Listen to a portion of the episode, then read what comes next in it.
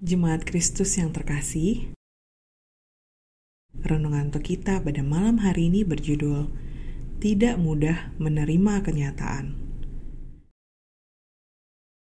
Dan bacaan kita diambil dari kitab Yeremia pasal 37 ayatnya yang ke-17 sampai dengan 18. Beginilah firman Tuhan. Pada suatu kali, Raja Zedekia menyuruh orang mengambil dia. Lalu dengan diam-diam bertanyalah raja di istananya kepadanya, "Adakah datang firman dari Tuhan?"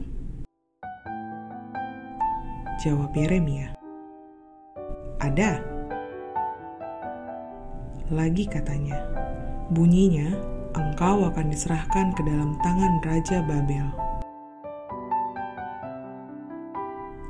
Kemudian berkatalah Yeremia kepada Raja Zedekia, Apakah dosa yang kuperbuat kepadamu?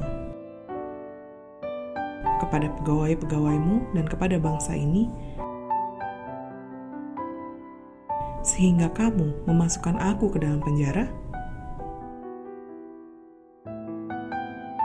Bacaan renungan kita pada malam hari ini berkisah ketika Raja Zedekia meminta petunjuk kepada Allah melalui Yeremia dan Nabi Yeremia mengutarakan hal yang sebenarnya yang tidak diterima oleh Raja Sedekia dan para pengikutnya. Para pengikut Raja Sedekia marah karena apa yang diungkapkan Nabi Yeremia tidak sesuai dengan apa yang mereka harapkan, yaitu kabar baik dan keselamatan. Malah yang sebaliknya, Nabi Yeremia memberitakan apa yang sudah dikatakan Allah sebelumnya – yaitu orang Kasdim, akan datang dan menghancurkan Yehuda.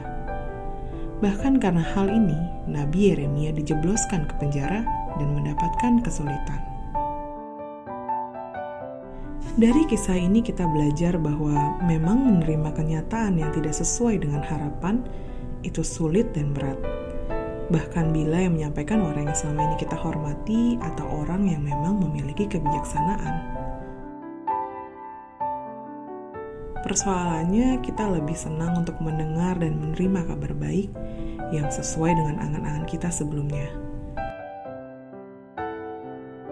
Karena dengan menerima sesuatu yang kita harapkan, kita akan lebih merasa aman dan dapat menguasai segala hal. Sedangkan bila kita menerima situasi yang tidak seperti perkiraan awal, akan membuat kita merasa kalah, tidak dapat menguasai keadaan, dan membuat kita ragu untuk melangkah. Dibutuhkan kerendahan hati dan juga kesadaran diri bahwa kita ini terbatas dan memiliki banyak kelemahan. Kita harus siap menerima hal yang baik, pun juga hal yang tidak sesuai dengan kehendak kita. Percaya bahwa apa yang dikendaki Tuhan untuk diri kita bukan hal yang buruk. Ia memakai sesuatu yang tampaknya buruk menurut ukuran kita untuk masa depan kita agar benar di hadapan Allah. Demikianlah renungan pada malam hari ini. Semoga damai sejahtera dari Tuhan Yesus Kristus tetap memenuhi hati dan pikiran kita. Amin. Jemaat yang terkasih, mari kita bersatu hati menaikkan pokok-pokok doa yang ada dalam gerakan doa 21 GKI Sarwa Indah. Mari kita berdoa.